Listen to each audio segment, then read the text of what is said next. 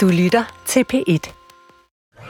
Velkommen til programmet Hvad ville Jesus have sagt?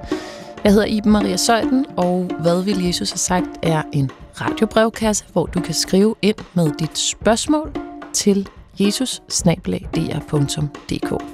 Hver uge sidder der så præster her i studiet, klar parat til at forsøge med al den ydmyghed og uvidshed, der nu ligger i den opgave, at give deres bud på, hvad Jesus ville have sagt, øh, eller gjort, eller råd til, eller selv gjorde, som på en eller anden måde kan skabe noget refleksion og nogle perspektiver til dig, der sidder derude. Mailadressen er jesus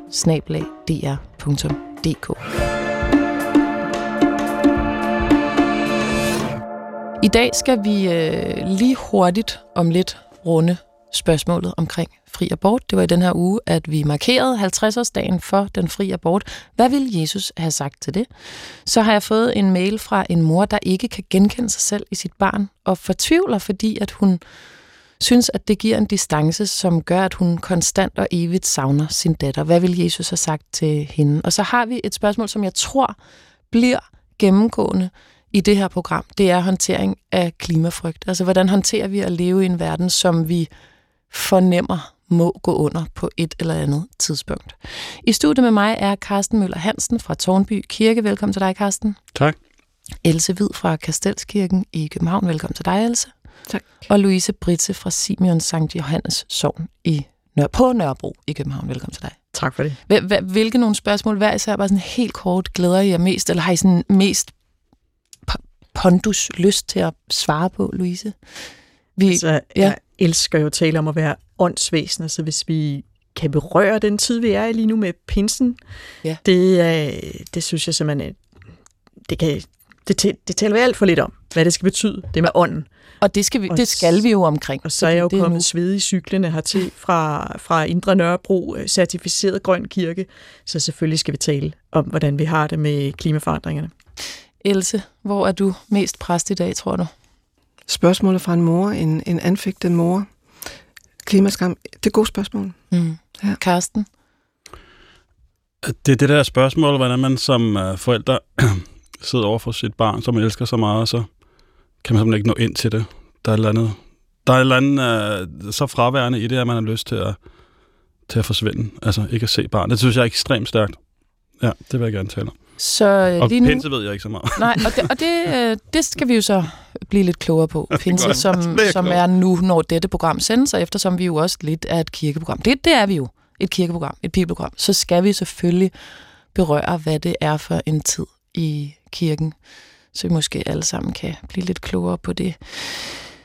I den her uge, der markerede vi 50-året for retten til fri abort. Det var i 1973, at man fik ret til egen krop på den måde, at man fik lov til at vælge et barn fra, eller et foster, eller et embryo, eller hvad vi kalder det her, øh, før uge 12.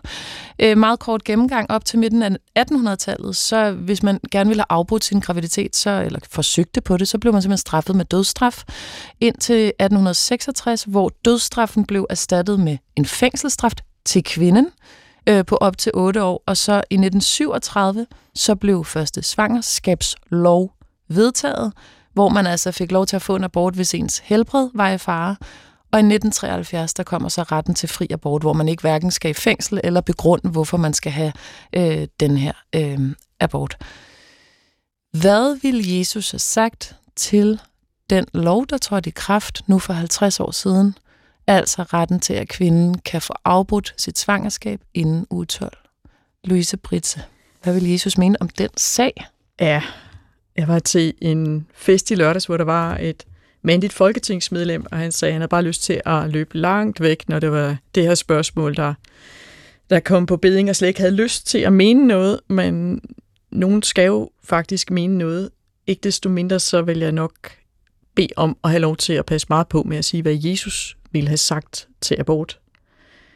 Den Jesus, som vi møder i evangelierne, han møder alle mennesker med et åbent hjerte, med stor forståelse, med næstekærlighed, med empati, og forsøger egentlig ikke at ændre mennesker, sådan som jeg ser Jesus, øh, men at være i det liv, de er midt i, sammen med dem. Så derfor tør jeg også godt sige, at jeg tror, at Jesus vil møde det menneske, der har fået en abort, eller har truffet det valg, med forståelse, empati og hjælp til at komme videre i livet. Samtidig så kan jeg også godt forstå dem, der lægger vægt på, at øh, livet begynder ved undfangelsen. Det er der egentlig ikke den store tvivl om, hvis man sådan skal se på det biologisk. Man kan jo scanne og se hjerteblink, og det er jo ikke noget helt andet end det, der senere bliver til et barn i de fleste tilfælde, hvis naturen går sin gang. Um, så det er svært, fordi vi kan jo ikke rigtig komme udenom, hvis man skal sådan stå med Bibelen i hånden, at, at der er ret tydelige påbud om, at vi ikke må slå ihjel. Det er jo også derfor, at der er nogen, der fordømmer selvmord, og jeg har hverken lyst til at fordømme selvmord. Tværtimod, jeg vil da tænke, det menneske, der har truffet så ulykkeligt et valg, skal da mødes med, med al mulig hjælp, forståelse og omsorg, og øh, dem, der er tæt på, skal da også have den stærkest mulige hjælp og trøst. Og samtidig tænker jeg, at hvis man har, har truffet valg om abort, jamen så har man brug for hjælp og støtte, fordi det er et svært valg. Øh, for nogle er det et, et åbenlyst valg, fordi det simpelthen ikke kan lade sig gøre at, øh, at leve det liv og være det menneske, de er, og gennemføre en graviditet. Jeg kunne ønske mig, at, at vi rykkede, at vi spolede hele den her samtale adskillige trin øh, bagud, før, øh, før undfangelsen, før det samleje, der er ledt til graviditeten. Altså, hvad kan vi egentlig gøre for at dele ansvaret lidt mere i den her ligestillingstid? Kan vi gøre noget for, at ansvaret for at undgå uønsket graviditet bliver lagt lidt mere over på manden også, fordi det bliver jo uværligt en, en kampplads, der til, kommer til at foregå inde i kvindens krop. Uh, og det er simpelthen ikke rimeligt. Og det er vel også derfor, at man, man slår igen og siger, at hvis det her det er en kamp, der foregår inde i kvindens krop, så vil kvinden også have sin frihed til at have sin krop i fred og sin autonomi og selvbestemmelse. Så bliver det sådan en ren battle om, om, øh, om, om frihedsrettigheder. Men, men jeg kan øh, også godt føle de ting, der også handler om noget andet. Mm. Altså med, med, med de ting, som muligvis kommer på banen politisk nu, der kommer vi også hen og røre ved noget, der kan handle om, øh, om vi skal have bragt lægeløftet på banen. Mm. Øh, fordi øh, altså medicinsk, der står vi jo altså et sted, hvor man kan, man kan redde meget, meget mindre fostre eller børn øh, og, og give dem et liv. Og det gør det bestemt ikke nemmere, det her. Nej, så spørgsmålet bliver kun sværere og sværere fra nu af, fordi man rent faktisk i visse tilfælde ser den samme, altså øh, fostret på samme stadie som et menneske i den ene situation, og som så skal afbryde sin graviditet i den anden situation, og det kan være et lige gammelt foster. Men bare lige for at få den rundet tilbage til Bibelen og til Jesus, altså når vi så siger, at intet liv starter man kan sige, ikke alle liv fra start, som er embryo, bliver til mennesker. Nej. Men der er ikke noget menneske, der ikke har været et embryo. Præcis. Øhm, derfor kan man jo ikke undlade at se det som starten på et liv, som du også siger. Men det gør det jo også svært, ikke? Fordi hvad er så ikke liv? Øh, må vi, du, altså, jeg ved ikke, om man så også, men så, hvad, så må vi ikke være med planter, være med fisk, være med, så alt jo. Ja. Ikke? De er også liv, men, men nu taler vi om menneskeliv, og øhm, dem har vi jo nok et særligt forhold til, og særligt ansvar for. Og er der også det i Bibelen? Er der ligesom skaleret mellem menneskeliv og mellem dyreliv og natur? Ja, altså det fede i den her nye bibeloversættelse, 2020-bibelen, det er jo egentlig, at man går ind og giver en helt anden stemning omkring skabelsesberetningen. Fordi øh, i den gamle oversættelse, der, der får vi hele scenariet malet ud. Øh, jorden bliver skabt med alt levende planter og dyr og fisk og det hele. Og så står der, at menneskerne får dem til, at de skal herske over dem. Men i den nye oversættelse, der der oversætter man det simpelthen, at mennesket har dem til, at vi skal tage ansvar for det. Mm. Og det giver jo en, en noget anden betoning. Selvfølgelig har en god hersker et ansvar. ansvar. En god chef har ansvar for sine medarbejdere. Men det er at lægge vægten på et andet ben i forhold til det levende. Men det stiller mennesket i, i en særposition i forhold til andet liv på jorden. Det er muligvis noget, vi kommer til at berøre, når vi skal tale om naturen og klimaet, og hvordan vi går fra at herske over planeten til at have et ansvar over for naturen og vores medlevende væsener, også dem, mm. som ikke hverken er mennesker eller embryo. Skriv til jesusnabelag.dr.dk Okay, venner. Lad os tage dagens første mail. Kære Jesus, jeg er for tredje gang ramt af brystkræft. Jeg er igennem et hårdt kemoforløb, hvilket jeg skal være resten af mit liv. Søde, fantastiske mennesker er ved at starte en indsamling til mig. En indsamling, der skal bruges på behandling i Tyskland, hvor der ud over den konventionelle behandling også bruges komplementær behandling med meget flotte resultater. Det er svært at tage imod, da det blandt andet er lidt skamfuldt. Hvad vil Jesus have sagt til det? De bedste hilsner. Øhm, det som spørgsmålet er, er, er det okay at tage imod denne her øh, meget konkrete monetære hjælp, som kvinden her, der har skrevet, har fået tilbudt? Else Hvid. Altså, det er jo altid sjovere at være øh, den godgørende, end at være den modtagende, som regel i hvert fald. Øh, og, øh, og nogle gange kommer hjælpen fra uventede hold, og nogle gange kommer hjælpen måske et sted fra, hvor man slet ikke ønsker at modtage hjælp. Øh, og det findes der en, øh, en fortælling om fra det nye testamente, den der meget, meget, meget kendte lignelse om den barmhjertige samaritaner. Okay, lad os lige bare lige kort. Det er jo ikke sikkert, ja. Elsa, at alle der lige... Vi bliver nødt til lige at have den, altså. En mand blev slået og øh, berøvet og smidt i en grøft. Så kommer præsten forbi og øh, kigger den anden vej. Det er noget snavs, som han ikke har lyst til at blive en del af, og så kommer kirketjeneren eller kordegn forbi, og han kigger den samme vej. Så kommer samaritaneren forbi, og samaritaneren, det er ham, du ikke har lyst til at være i selskab med. Samaritaneren i det nye testamente er en, øh, er en samaritanerne er en jødisk øh, befolkning, som har en, øh, en anden historie end, end den officielle jødedom. Så dem delte man ikke tempel med, om man delte ikke samvær med dem på nogen måde. Det er ham, der hjælper den forslåede mand, der ligger i grøften. Han øh, sørger for ham, forbinder hans sår, tager ham hen på øh, et herberg, betaler for ham, øh, tager sig af ham. Fortællingen indledes med spørgsmålet om, øh, hvem, hvem er min næste så?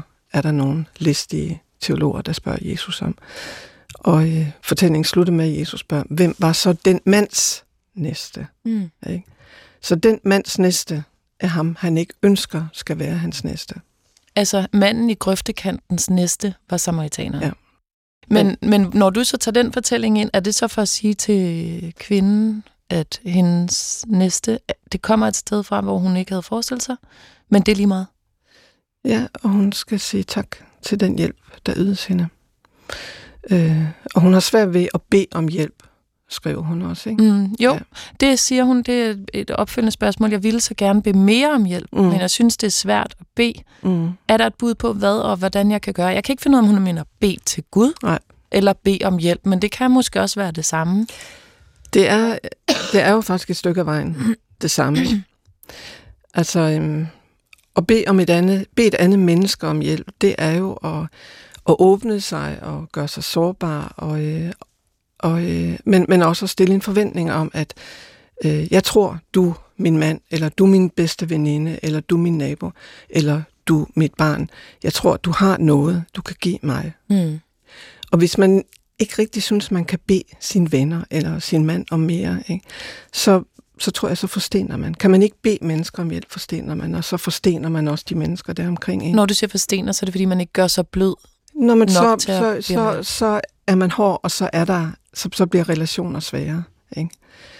Øhm, og sådan er det i virkeligheden også med den religiøse bøn. Ikke? Den handler også om, at man åbner sig, og, øh, og man tør forvente, at nogen lytter til det, jeg beder om. Men det lyder også, som om det faktisk er en øvelse at bede om hjælp, som er ja. god at gøre, ja. at man forbliver menneskelig ja. ved at bede om hjælp. Ja. For hvad er alternativet til, at du ikke tør bede om hjælp? Jeg synes også, altså, mm. jeg synes også det er sådan en, jeg kan, jeg kan heller ikke finde ud af at bede om hjælp faktisk, men dermed fratager jeg faktisk også mulighed, andres mulighed for at give mig noget. Det er det. Og, og, og det er jo faktisk en stor gave. altså, vi vil alle sammen gerne give, men for at der er nogen, der skulle give noget, så er der nogen, der skal modtage noget. Og det er sådan en ret stor ting, jeg har brug for din hjælp, og så giver man faktisk andre mulighed for at være det, de gerne vil være, ja, en giver. Præcis. Øhm, det kunne man godt øve sig på. Mm. Mm-hmm. Hvis vi skulle tage pinsen ind i det, så kan vi sige, at, øh, at ved himmelfarten, det, det er der, Jesus begynder at arbejde hjemmefra. Øh, men det gør jo ikke, at vi er ladt i stikken. Han har myndiggjort os til at være der for hinanden. Og nogle gange så kan den hjælp, Gud sender, øh, jo komme i skikkelse af andre menneskers hjælp. Øhm. Ja, så det, at Jesus mm. ikke er på jorden, gør, at så må vi selv leve op til det. Mm. Ej, altså, det er jo ikke fordi, han er blevet ligeglad med os, eller ikke er nærværende, men han har myndiggjort os med ånd, til at vi kan gøre stærke ting for hinanden i Guds navn. Mens han arbejder hjemmefra, som, som du siger. Hvordan skal hun bede helt konkret, hvis hun, hvis hun nu faktisk sidder, og det hun egentlig mener med det her spørgsmål, bare lige er, hvordan beder man egentlig? Hvad, hvad, hvad gør man her, når hun så synes, at hun godt vil bede mere om hjælp, både til de jordiske og de ikke-jordiske? Hvad gør man? Men man, man spørger direkte. Altså en god bøn er også altid uh, direkte. Ja. Der skal ikke nogen indledning. Jeg tror, ja, jeg tror man skal være direkte. Det, det er sådan en, jeg tror, det er sådan et grænseoverskridende for de fleste, faktisk. Grænser, dem går man bedst over, hvis man skynder sig over dem. God pointe. Ja, og så, og, og så er det jo også et interessant spørgsmål i vores tid, fordi at øh, fordi vi ikke er et, øh, et folk, der beder. Altså bønden er mm. forsvundet mm. ud af vores hverdag. Og øh, i det øjeblik noget forsvinder, ikke, så, så bliver det også noget, man længes efter. Og derfor tror jeg ofte, det der med bøn, det kommer til at fylde rigtig, rigtig meget hos mennesker. Hvordan kommer man i gang med at bede? Mm. Hvordan får man det Ja, det er et bøn? spørgsmål, jeg tit får faktisk, ja. det der med, hvordan beder man Ja, hvordan, hvordan får man et bønsliv? Ikke? Og det bliver, sådan, det bliver sådan stort og næsten uoverskueligt. Øh, og skal man gøre den på en rigtig måde, man er jo slet ikke vant til hverken at bede sine venner eller bede Gud om noget. Og, og hvordan, hvordan får man så begyndt? Altså, i, i forrige søndag, handlede det faktisk om bøn 5. søndag efter påske, ikke? hvor øh, Jesus både siger, bed, øh, og det skal gives dig. Når du beder i mit navn, skal det gives dig. Men, men det sjove ved den søndag, det er jo den gamle testamentlige læsning, som er den såkaldte Jakobskamp. Ikke? Jakob, som har snydt og bedraget sin bror og sin far og sin familie, og som har måttet flygte og har været væk i meget lang tid, vender nu tilbage med sine koner, al sin rigdom osv. Så står han der på grænsen til sit gamle land. Han skal møde sin bror, og han er bange for, mm, skal de slås, eller har han tilgivet ham? Så sender han sin øh, familie i øh, forvejen. Han står der ved det her vadested, selvfølgelig. Og så er det aften, det er nat, der kommer et menneske, som slås med ham. Øhm, og de slås hele natten, og det her menneske siger, øh, slip mig. Øh, og så siger Jakob, jeg slipper dig ikke, før du velsigner mig. Og det gør han, og han øh, går ud af kampen med sin velsignelse, men han er undervejs. Øh, han har fået en skade på sin hofte. Og jeg synes, det er et rigtig, rigtig, rigtig fint billede på bønden også, at øh, når man, det kan godt være noget, man skal slås med, og Gud er en, man skal slås med altid. Der er ikke en, der er ikke en fin opskrift på, jo, altså, du kan bede fader, hvor du kan læse bønder i bøger, som gode mennesker har skrevet. Men det kan også være en Jakobskamp. Du kan lede efter og få begyndt på det, og du kan lede efter Gud, og du kan blive ved, og, øh, og så kan du opgive. Eller, men, men det er en Guds relation, mm. også i bønden. Det er en kamp. Du halter, du kommer haltende ud af det, men du slipper ikke for den kamp. Ja, så bare fordi det ikke er nemt, så er det ikke, fordi man gør det forkert. Nej. Tværtimod måske. Ja. Du kan skrive ind til jesusnabelag.dr.dk og til dig, der sidder med brystkræft og spørger om du og hvordan du skal tage imod det Så kan det jo i virkeligheden være den enkle tanke, at ved at tage imod den hjælp, der gør man sig til menneske. Ja. Og man giver andre muligheden for at give den hjælp, som altså på en eller anden måde er en relationsgave, eller en menneskelig gave, eller ja, hvad kan man, ja, altså en andre mennesker mulighed for at stille sig selv i den position, som er givende. Mm, som de gerne, ja, som vi mm. inderst nok gerne alle sammen vil. Mm. Nu var du inde på det, øh, Louise, det her med, at når det her program sendes, vi sidder og sender radio, så er det jo pinsedag. Ja. Yeah. Hvad er det for en tid i folkekirken? Det virker som om, altså for mig, når jeg kommer udefra, så har det været påske. Nu altså, det første sæson, jeg sender der, Jeg kan ligesom følge jer præster siden påske, så jeg ikke, jeg ikke kunne komme ud af den påske der igen. Ej, hvor jeg hænger meget efter påske.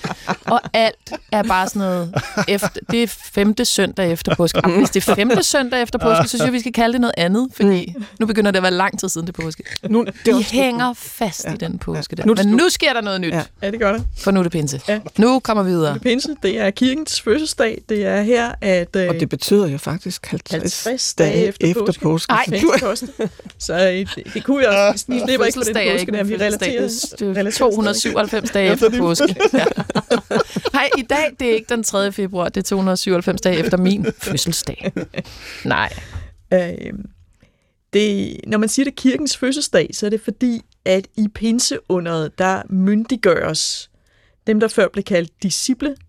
Fra nu af bliver de kaldt apostle, og det betyder, i stedet for disciple, som betyder elever, så bliver de til sendebude. Og de bliver sendt ud med, med åndens kraft, fordi pinseunderet, det underfulde, der sker, det er, at Helligånden manifesterer sig øh, på oprigtig underlig vis. De sidder samlet indendørs, får vi vide. Og så kommer der sådan en, en rusken, en, en blafrende lyd, som er en kraftig blæst. Og så det virkelig fungerer. Så der er mange i billedkunsten, også tilbage til ikontraditionen, der har forsøgt at skildre det, der prøver at, at vise det, at der står, at tunger som af ild kom og satte sig og fordelte sig på dem. Og måske kan man se sådan nogle flammer oven på hovederne af dem. Don't know, måske skal det forstås lidt, mere, forstås lidt mere metaforisk, men det der sker, det er, at når de så går ud igen, så kan de pludselig tale med alle, der hører det, som om de talte på deres eget sprog, selvom de kommer fra, der er sådan en kæmpe lang opremsning af alle mulige steder i verden, de kommer fra. Så det er et forståelsesunder. Det kan godt være lidt forvirrende, når man hører om om øh, pinsekirke og tungetale, fordi det jo netop kan være en åndens tale, som er uforståelig, fordi selve pinseunderet er et under, der handler om at kunne forstå hinanden på tværs af grænser. Ånd er Guds kommunikationsafdeling, hvis jeg skulle sige det sådan lidt popsmart. Det er ånden, der er den, der fragter bønderne, som vi talte om før, mellem os og Gud, og måske svarene tilbage til os men også det, der gør, at vi kan blive så hulens rørt af for eksempel musik. Tænk, at man kan sidde og tude over et stykke klassisk musik. Det tror jeg på, at fordi der hos afsenderen, og det kan både være komponisten og, lad os sige, det er en cellist, jeg er vild med cello, øhm, der simpelthen får at formidle, formår at formidle med ånd, så det rører modtagerne øhm, ordløst, på tværs af alle grænser, på tværs af sprog. Øh, vi lærer vores børn, at de er åndsvæsener, ved at vi taler til dem, selvom vi udmærket godt ved, at babyer ikke kan forstå hverken dansk eller swahili. Men vi taler til dem på en måde, som om vi er fuldstændig overbevist om, at vi kan nå deres ånd, at vi kan trøste dem. Rationelt set kunne man lige så godt sige, at det giver jo ikke mening, for de forstår jo ikke, hvad jeg siger. Men det er sådan, vi lærer, at vi er noget særligt på, på godt og ondt, når det handler om at forvalte jorden, kan man sige. Men som, som forvalter af ånd, skal vi tro på, at vi er noget særligt, fordi det er et adelsmærke ved mennesket, at øh, vi er andet end rationale og dyrisk drift. Vi har den her ånd, som er øh, det fineste fine, en del af, af det at være skabt i Guds billede, som jeg tror på. Og det er i pinsen, at det sker for disciplene? Eller ja. at de ligesom bliver beåndet på den måde? Ja, det står beskrevet i Apostlenes Gerninger, som er et skrift, der ligger lige efter evangelierne, og en direkte forsættelse af Lukas evangeliet. Hvad skete der efter himmelfarten? Der sker det her. De får åndens power til at gå ud og virke i verden. Jesus har hele tiden sagt, at det vil ske. Jeg vender tilbage til min far. Jeg har sagt det. Det siger han flere gange, og alligevel så står det sådan fuldstændig og måber, da han forsvinder op der. Men så kommer ånden, som han har lovet dem. Der skal ske noget andet. Jeg sender jer ånden, øh, og den myndiggør. Den gør dem stærke. Mm. Den gør, at de kan forkynde. Øh, det er jo egentlig også derfor, at vi her i den lutherske ende af kirkeligheden lægger vægt på det almene præstedømme, fordi det kræver ikke nødvendigvis det store kørekort at formidle ånd. Det store kørekort, der mener altså den her teologiske embedseksamen. Det er der ikke nogen, der kan tage patent på, fordi øh, ånd kan vi jo altså møde de mest utrolige steder, mm. når vi bliver berørt af hinanden på tværs af, hvad der skiller os. I påsken handler det om Jesus, og, og her siger han, nu skal jeg væk. Mm. Altså, det er ikke mig, der handler om. ja, han peger hen på Gud, og det har jeg altid faktisk virkelig godt kunne lide. Altså, mm. nej, jeg, jeg tager væk, fordi jeg, jeg står i vejen for noget her. Det er slet ikke mig, det handler om. Det handler om Gud. Mm. Uh, nu, nu, skal jeg, nu skal jeg videre. Uh, men jeg efterlader jeg ikke med ingenting. Jeg efterlader med ånden. Og det er så også der, hvor der sker den omvending med disciple fra, at de følger Jesus, yes. til at de selv kan gå ud og virke, at de har noget med sig ud i verden, uden at Jesus ligesom er ja. deres mester. Mm. Ja. Hvad er det vigtigste for dig, altså, når du sådan skal stå og holde en pinsegudstjeneste? Hvad er det så, folk skal have med sig? Jamen helt klart, altså jeg lægger mig fuldstændig i forlængelse af mine øh, gode kolleger her. Øh, den ånd, øh, som de mindes om, de besidder, som er indblæst i dem allerede. Og det er den anden læsning til Pinsedag, ikke? Det er en meget kort fortælling. Det er det, vi kalder den anden skabelsesberetning, hvor vi er modsat den første, hvor vi er sådan oppe i det helt kæmpe store øh, univers med himmel og himmelvælv og så videre. Ikke? Så er der sådan en lille anden skabelsesberetning, som handler om, at øh, øh, der er Gud sådan mere en, en gartner. Øh, det er der, men, men, men der gror ikke rigtig noget, og, og så lader han en kilde flyde med vand, og så begynder det at grønnes, men der er jo ingen til at, at, at tage sig af det der. Og så tager han en klump ler og former et menneske, og så blæser han sin livsånde ind i mennesket. Det er en meget, meget smuk myte, en meget smuk fortælling om, hvad vil det sige at være et åndeligt væsen? Det vil sige, at vi er indblæst med en ånd, der gør os til noget særligt. Vi kan noget. Men det er jo også en ånd, vi så har fælles med, med Gud. Altså Grundtvig, øh, en linje, jeg først for alvor sådan så rigtigt her, for ikke ret lang tid siden, i en salme, hvor han skriver, at øh, kød med Gud har ånd til fælles. Ikke? Vi har ånd til fælles med Gud. Det er indblæst i os. Det skal de mindes om, efter de har siddet og været bange i, i mange dage. Ikke? Øh, og det skal vi også mindes om, at vi er indblæst af ånd. Vi er åndelige væsener, åndsvæsener.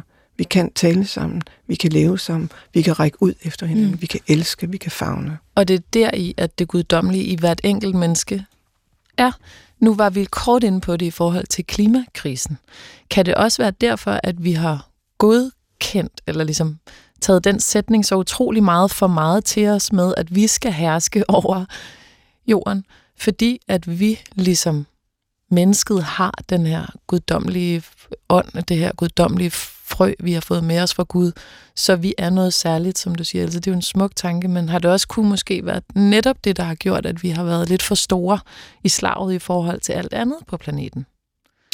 Altså i den gamle testamentlige fortælling, i det gamle testamentlige univers, der er der helt entydigt en rangorden i, i, i forhold til skabelsen. Ikke? Den måde, vi er begyndt at tænke natur på, og den måde, vi især tænker natur på i dag, er jo helt, helt anderledes.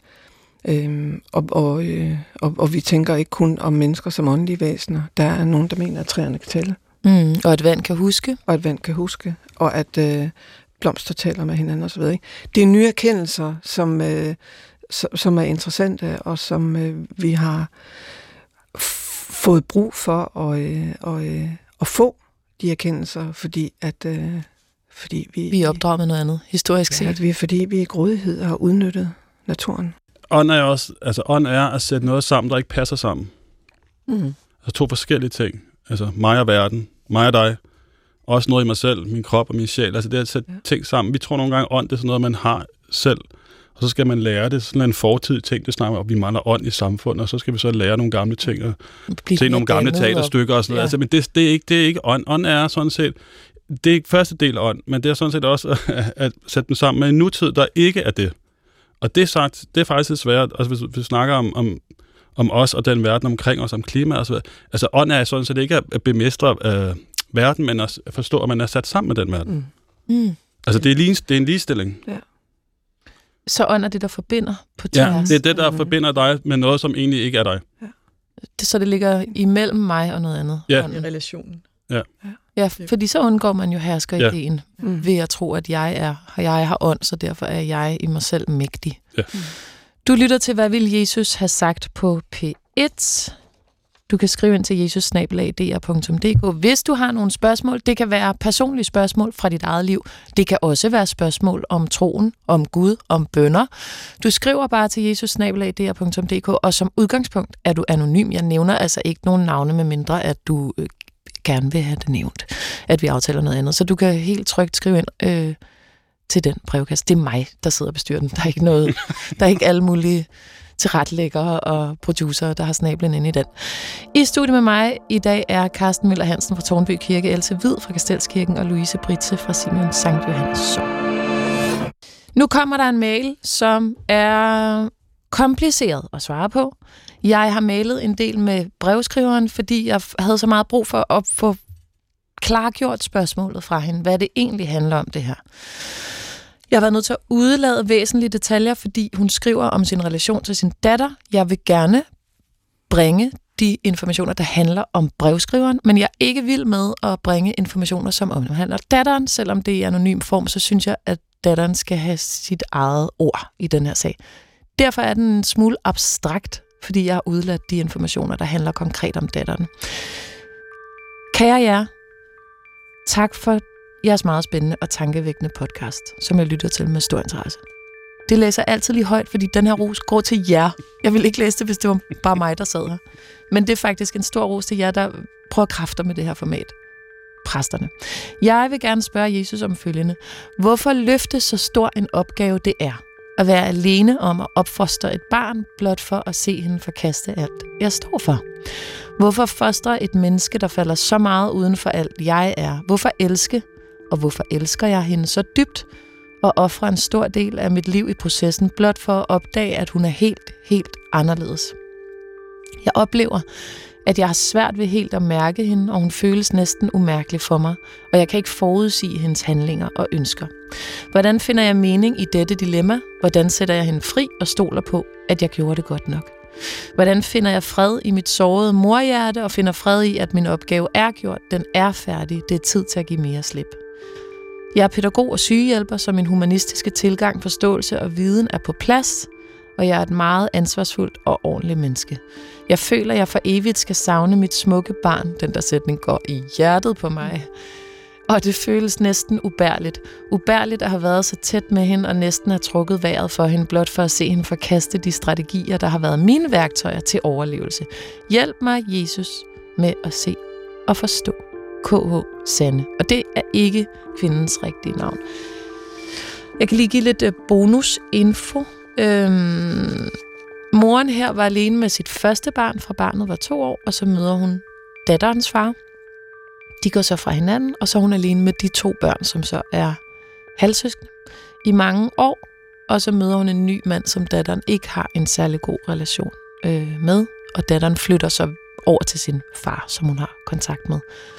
Øhm, og hun skriver også til mig, at mange af de her strategier, som hun fortæller om, hun er ked af, datteren har forkastet, det er strategier, som hun selv som alenemor ikke ville kunne have klaret livet uden. Altså, det er mestringsstrategier på en eller anden måde. Så altså, øhm, hvad gør moren her? Hvordan skal hun kunne acceptere, at hendes datter ikke er hende, eller spejler hende, eller har arvet noget fra hende, eller favoriserer noget, eller hylder sin mor på nogen måde i nogen del af sit væsen, Karsten? Nogle gange kan det være så galt, tror jeg faktisk, at man har lyst til ikke at se. Altså, det, det er ekstremt galt. Man, man, der er masser af børn, der skriver bøger om, at de ikke vil se deres forældre mere, men det der med at ikke kunne se sit eget barn, mm. det troede jeg i starten for længe siden, at det var et spørgsmål om, at der ikke var kærlighed nok. Men det tror jeg ikke, det er. Jeg tror, det er et spørgsmål om, at der er så meget kærlighed, at man er nødt til at bevare den. Ja, nu har vi talt sammen inden, og det er bare lige for at sige, du har i egenskab af dit job blandt andet mødt folk, som ja, har som, simpelthen ikke kunne rumme at se deres børn. Ja, ja, og jeg kan faktisk en lille smule godt sætte mig ind i, hvordan det egentlig må være at føle, at det barn, der er lige der, kan du ikke nå ind til. Mm. Og så gør man selvfølgelig det, at man, og nogle gør i hvert fald, at man trækker sig. Fordi at for at bevare kærligheden, har man nødt til at have en afstand til det barn. Jeg siger ikke, hun skal trække sig. uh, det, det tror jeg faktisk ikke. Altså, jeg tror, kærlighed er en forbindelse, og man kan, ikke, man kan ikke trække sig ud af en forbindelse. Men man kan godt beskytte sig lidt imod den nogle gange. Altså, det lyder på hende, som om hun faktisk ikke kan lide det, barnet er blevet til. Og hun kan nok heller ikke lide det, hun bliver til selv, når hun er sammen med barnet. Og det er simpelthen en fastlåst situation som man nogle gange måske skal trække sig lidt væk fra. Mm. Man kan vel også sige, at i det, hun trækker sig fra det, så vil der opstå en større frihed. hos den anden. Ja, altså jeg, jeg, jeg hører det som om, at, at hun, hun ikke kan forstå, hvorfor barnet er blevet så meget anderledes end hende selv. Ikke? Mm. Og så kan man så sige, øh, skal vores børn blive som os? Helst ikke. jeg håber altid, at mine børn bliver noget andet end mig. Men jeg vil så også sige, at nogle af de ting, man selv godt kan lide, at præsentere det for sit barn, og så føle, at det bliver afvist. Mm. Altså, det er, det er faktisk også et spørgsmål. Det, hun spørger om, det er, hvor kan vi mødes hen med det her? Altså, hvor kan jeg mødes med mit barn, mm. som jeg engang trak vejret sammen med, mm. og nu kan jeg simpelthen ikke forstå, hvorfor hun trækker vejret så hurtigt, når jeg trækker mm. på en anden måde. Mm. Altså, og det kender jeg sådan set godt. Jeg, jeg, jeg altså, kan ikke beskrive mange gange, jeg har set film med mine børn, i håb om, at de kan lide den samme film som mig. Fordi så har der stadig, vi kan mødes. Mm. Og man bliver faktisk virkelig ked af, når de synes, det er en lortefilm. Ikke? Jo, man... Og man kan ikke lide deres film og sådan noget. Og det er bare sådan på, på et overfladisk niveau. Men egentlig ligger der faktisk en dyb sorg i det. Mm. At det, som man elsker mest, øh, kan man mærke en ekstrem afstand til. Og nogle gange er afstand bare nemmere, hvis man selv træffer, altså begår den afstand. Mm. Og derfor flytter man sig. Er der noget, hun kan hente i... Øhm, fordi jeg tænker, det er jo også et stort spørgsmål, og sikkert også et religiøst spørgsmål, det her med... Mm, hvad er vores børn i forhold til os? Mm. For de er jo skabt af os. I mm. Guds billede, men mm. af os. Mm. Hvad, hvad kan man sige om den relation i forhold til en kristen kontekst, hvor hun kan kigge sig ind i det, eller spejle sig op imod det, Louise? Altså, det kan jo netop være sværest at elske med næstekærlighedens følelser, når man også har en forkærlighed. Det er, det er meget de kirkegårdske ordvalg om, omkring det her. Altså, forkærlighed, det er jo nogen, vi vi har en, en tilknytning til i forvejen. Det kan være nemt at øh, møde en fremmed og gøre noget næste kærligt, fordi man har ikke rigtig nogen hangs. Man kan sige, øh, have en god jordomrejse, uden at have noget i klemme, om vedkommende skal blive boende som vores nabo eller skal udrejse. Men med vores, øh, vores partner og vores børn, der har vi sørme noget i klemme, og det er det, der gør det så svært at elske med næstekærlighedens følelser. Altså at sige, hvad er det bedste for det her menneske i dets egen livssituation. Og hele det at opfostre børn, det er jo at arbejde hen mod et mål om at gøre dem selvberoende, at øh, gøre, gøre dem uafhængige af en. Og derfor kan den største smerte jo også være, når man får succes med den her opdragelse. Når de så viser sig ikke at have brug for en, og så har valgt en helt anden vej. Men den smerte, som jeg hører i morens udsagn her, der ligger jo også det i det, at et af, at hun har valgt en anden vej, men der er jo også en bekymring, en dyb omsorg og bekymring for, at datteren faktisk ikke bare har valgt noget andet, men, men ikke er selvberoende. Mm, at hun kommer galt afsted ja. med at være, som hun ja. er, som er anderledes. At, at det er en, en, en vej, som, øh, som ikke er god for hende, og det hører jeg ikke som, som formøneri, og øh, at hun bander sig i noget overfladisk som hendes tøjvalg, eller hvad det nu kunne være. Nej, og jeg kan jo sige, dyb, det har du ret i. Jeg har, det kan jeg jo se af de informationer, jeg har ja. fået, at det er, det er både vilde ting, som er seje ting, men det er også farlige ting. Ja. Men det vidste Jesus også godt, ikke? Altså størst af alt er kærligheden, og så lige efter snakker om bekymringerne, ikke? Mm. Altså lige så store er bekymringerne. Mm. Jo, og så synes jeg, det er interessant, som du siger, Louise, at det er virkelig også det, du siger, Karsten, at det er nemmere at være den store næstekærlige type, hvis man ikke har noget i klemme, hvis man i forvejen har en kærlighed, altså en forkærlighed for det menneske, som man skal være næstekærlig overfor, mm. så er det sværere. Jeg synes ikke, der er noget mere besværligt i livet end nære relationer. Jeg synes, det er det sværeste. Mm. Men og, det, også... og, det er dig, og det bedste i verden, og det sværeste. Mm. Ja, altså at have børn og at elske på en måde, som man overfor Man er ikke fri. Jeg bliver aldrig fri igen. Ja, det, det. Altså, det bliver man aldrig. Ja. så det er en sindssyg øvelse, ikke? At man skal gøre sig selv, altså man skal give alt, hvad man ja. har, og så skal man punktere sig selv og gøre sig lille bitte og fjerne og fordi, sig. Fordi mm. børn er jo sådan set ikke er vores. Altså vi siger, at det er mine børn, men det er det jo ikke, de er deres egne. Mm. De er deres egne mennesker. Ja. Mm. Else Hvid. Når man det der begreb næstekærlighed, som, som vi jo kommer til at bruge meget, og som, og som godt kan blive en lille smule blodfattigt, ikke? fordi at det er ofte der, vi ender. Ikke? Men i den her sammenhæng, der, der, der tænker jeg, at det betyder, at, at, øh, at hun skal elske det her barn, som hun kender. Altså det her fantastiske ved at få et barn, som man på en gang kender, ikke? og man genkender trækken, ikke? de ligner en, eller ikke ligner en, eller de ligner hinanden, børnene, eller osv. Men også Øh, men, men der er også noget godfuldt over vores børn. Der er noget, vi aldrig kommer til at kende. Der er noget, vi aldrig kommer til at forstå. Og elske sin næste i den her forbindelse, det er at elske det menneske, som altid vil være godfuldt, som du aldrig kommer til at kende fuldt ud. Elske det som en næste. Ikke? Som en hvilken som helst næste, havde han ja. sagt. Som man skal øve sig i med ja. sine børn, hvis man vil leve op til næste kærlighedsbudskabet, ja. og se dem uden sit mor- eller Mm. farblik. Mm. Eller hvad?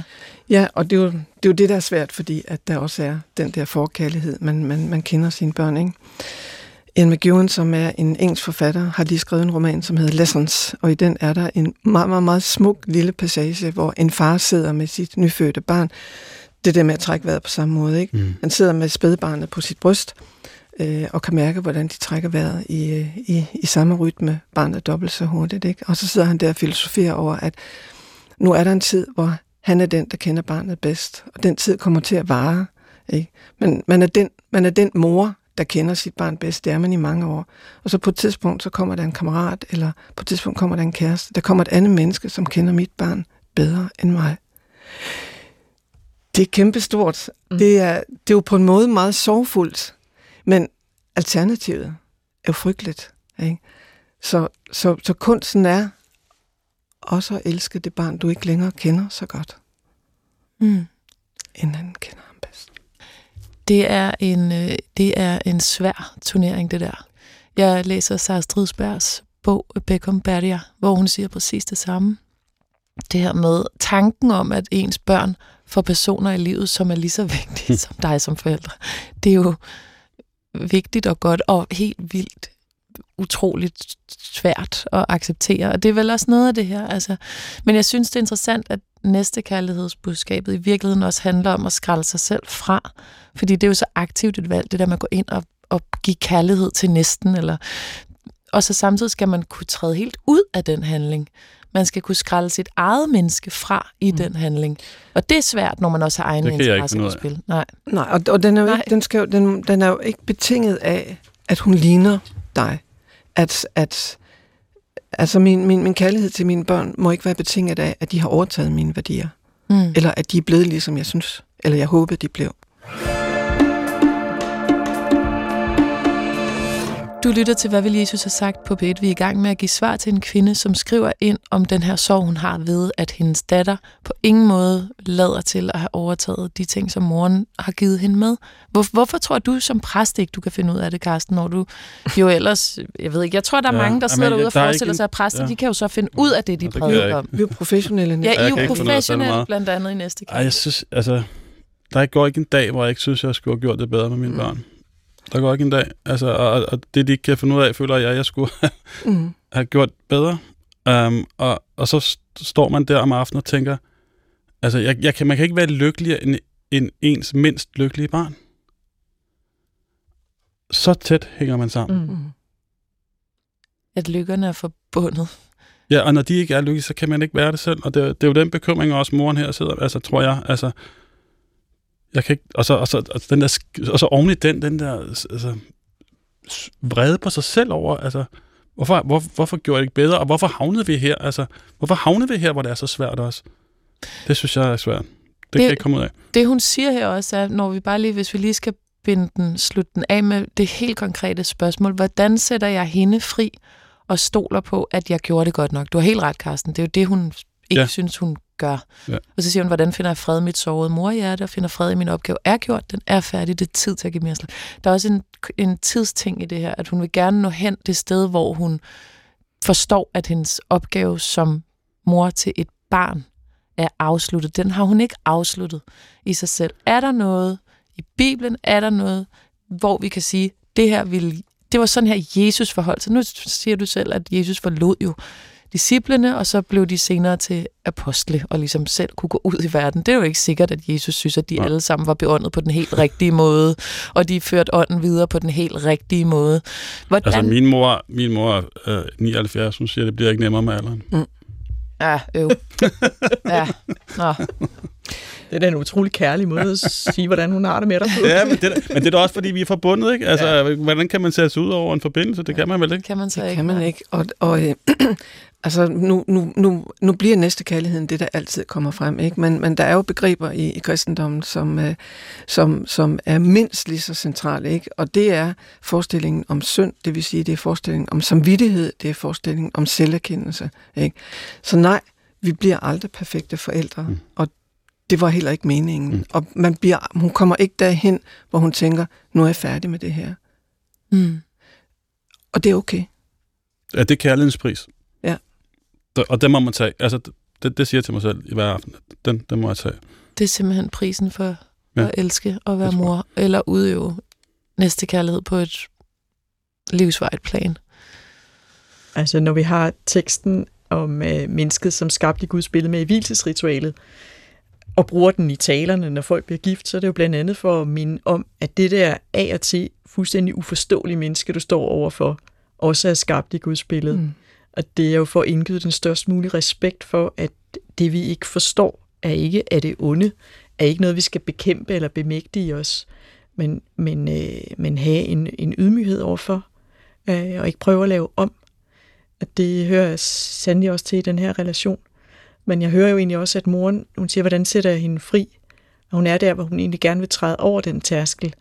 Ikke at prøve at ønske sine egne værdier skal være de fremherskende.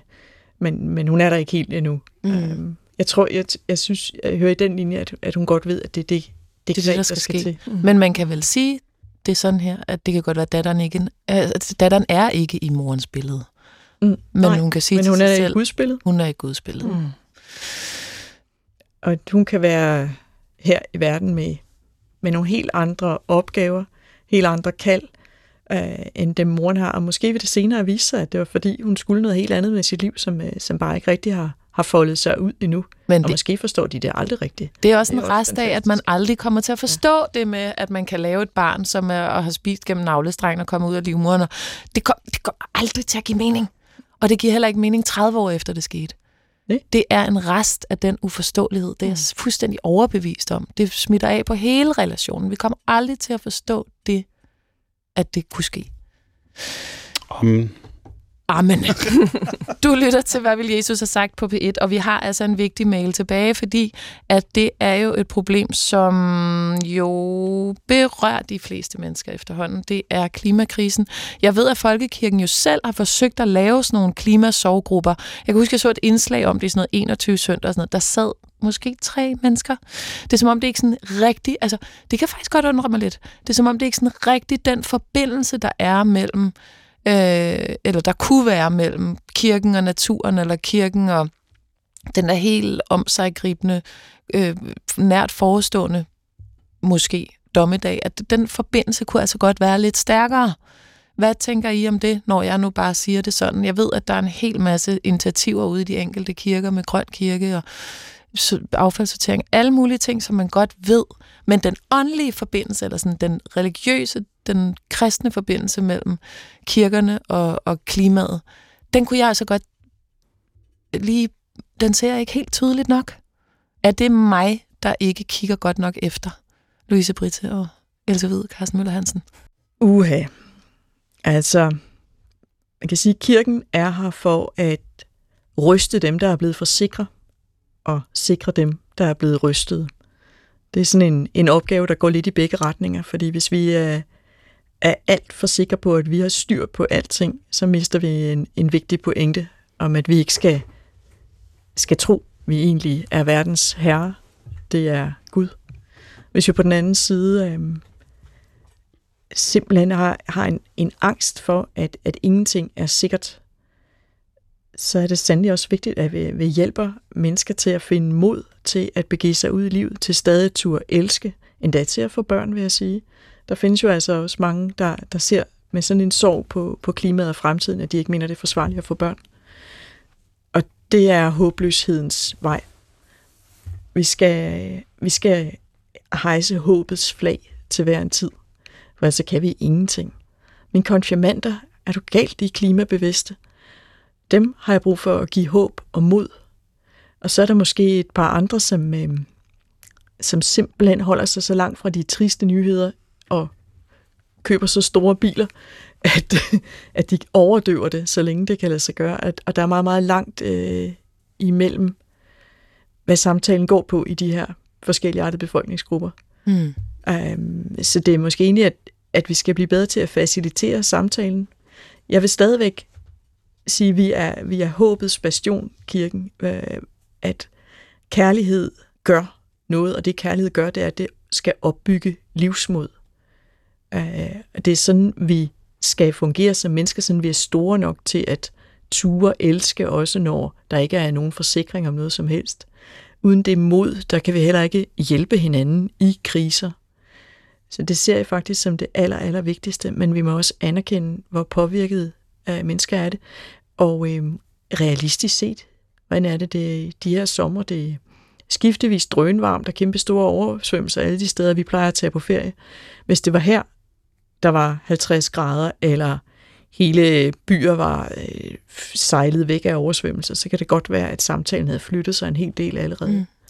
Jeg er ret interesseret i koblingen mellem folkekirken og klimaet, fordi som du selv var inde på tidligere, så har vi fået skiftet ud øh, med den nye oversættelse øh, ordet herske over naturen til, at vi har et ansvar for naturen.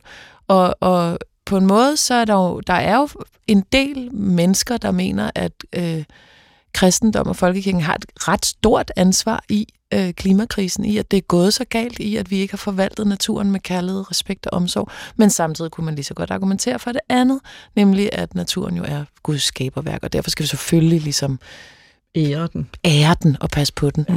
Ja. I stedet for at behandle som tag selvbord, som, mm. som har en, en anden fortolkning af det her hersker-metaforik. Ikke? Ja. Mm. Men ja.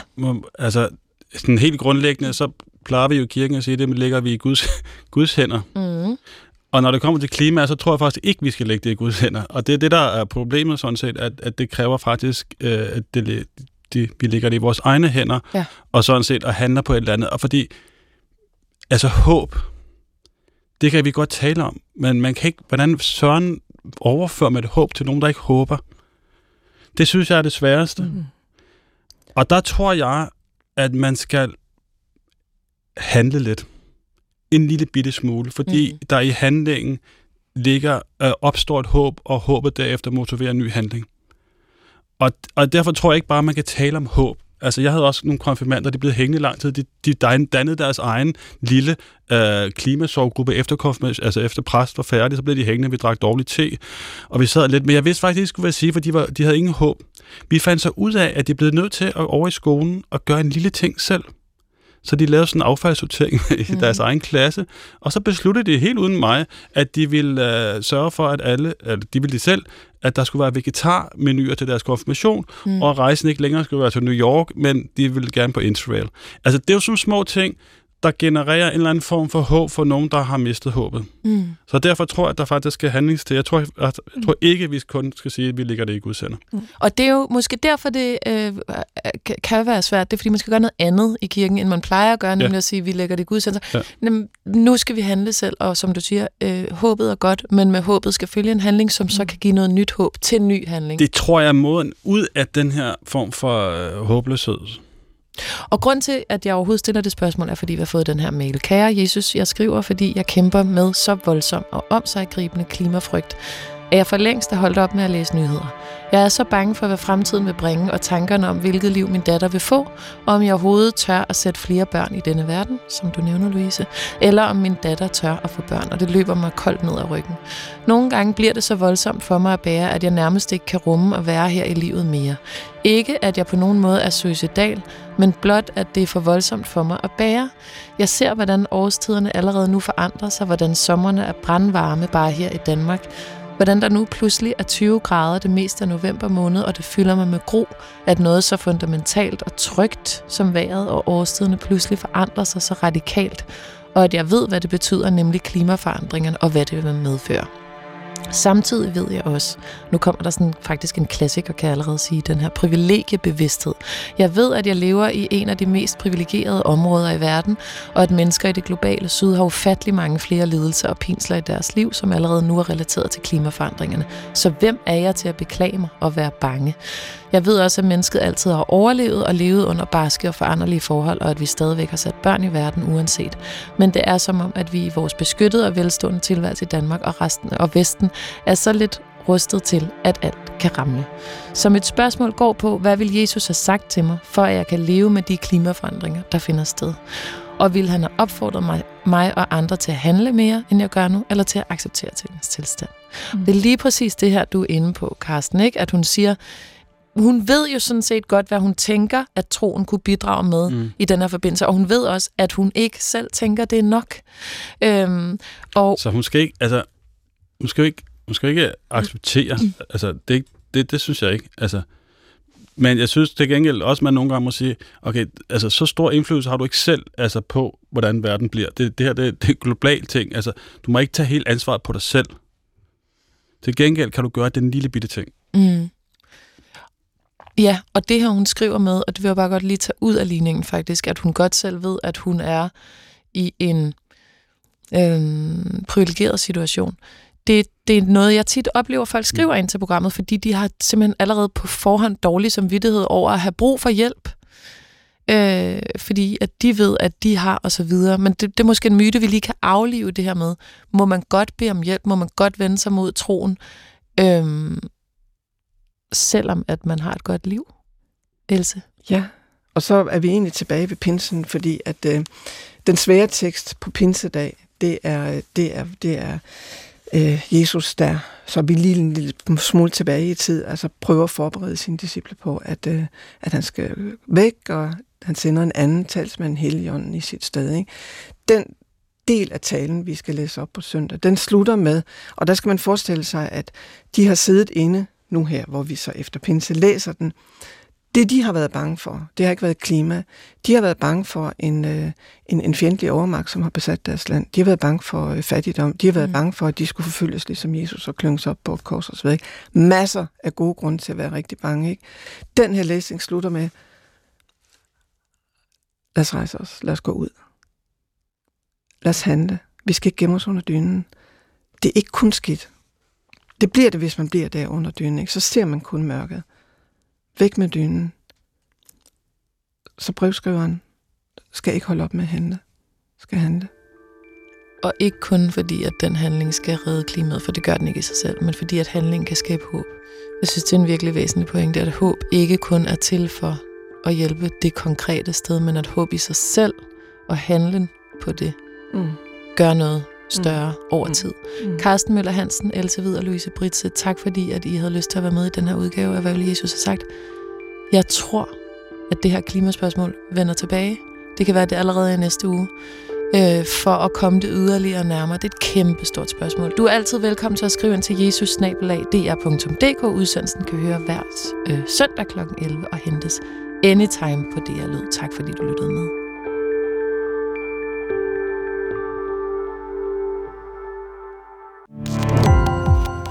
Gå på opdagelse i alle DR's podcast og radioprogrammer. I appen DR Lyd.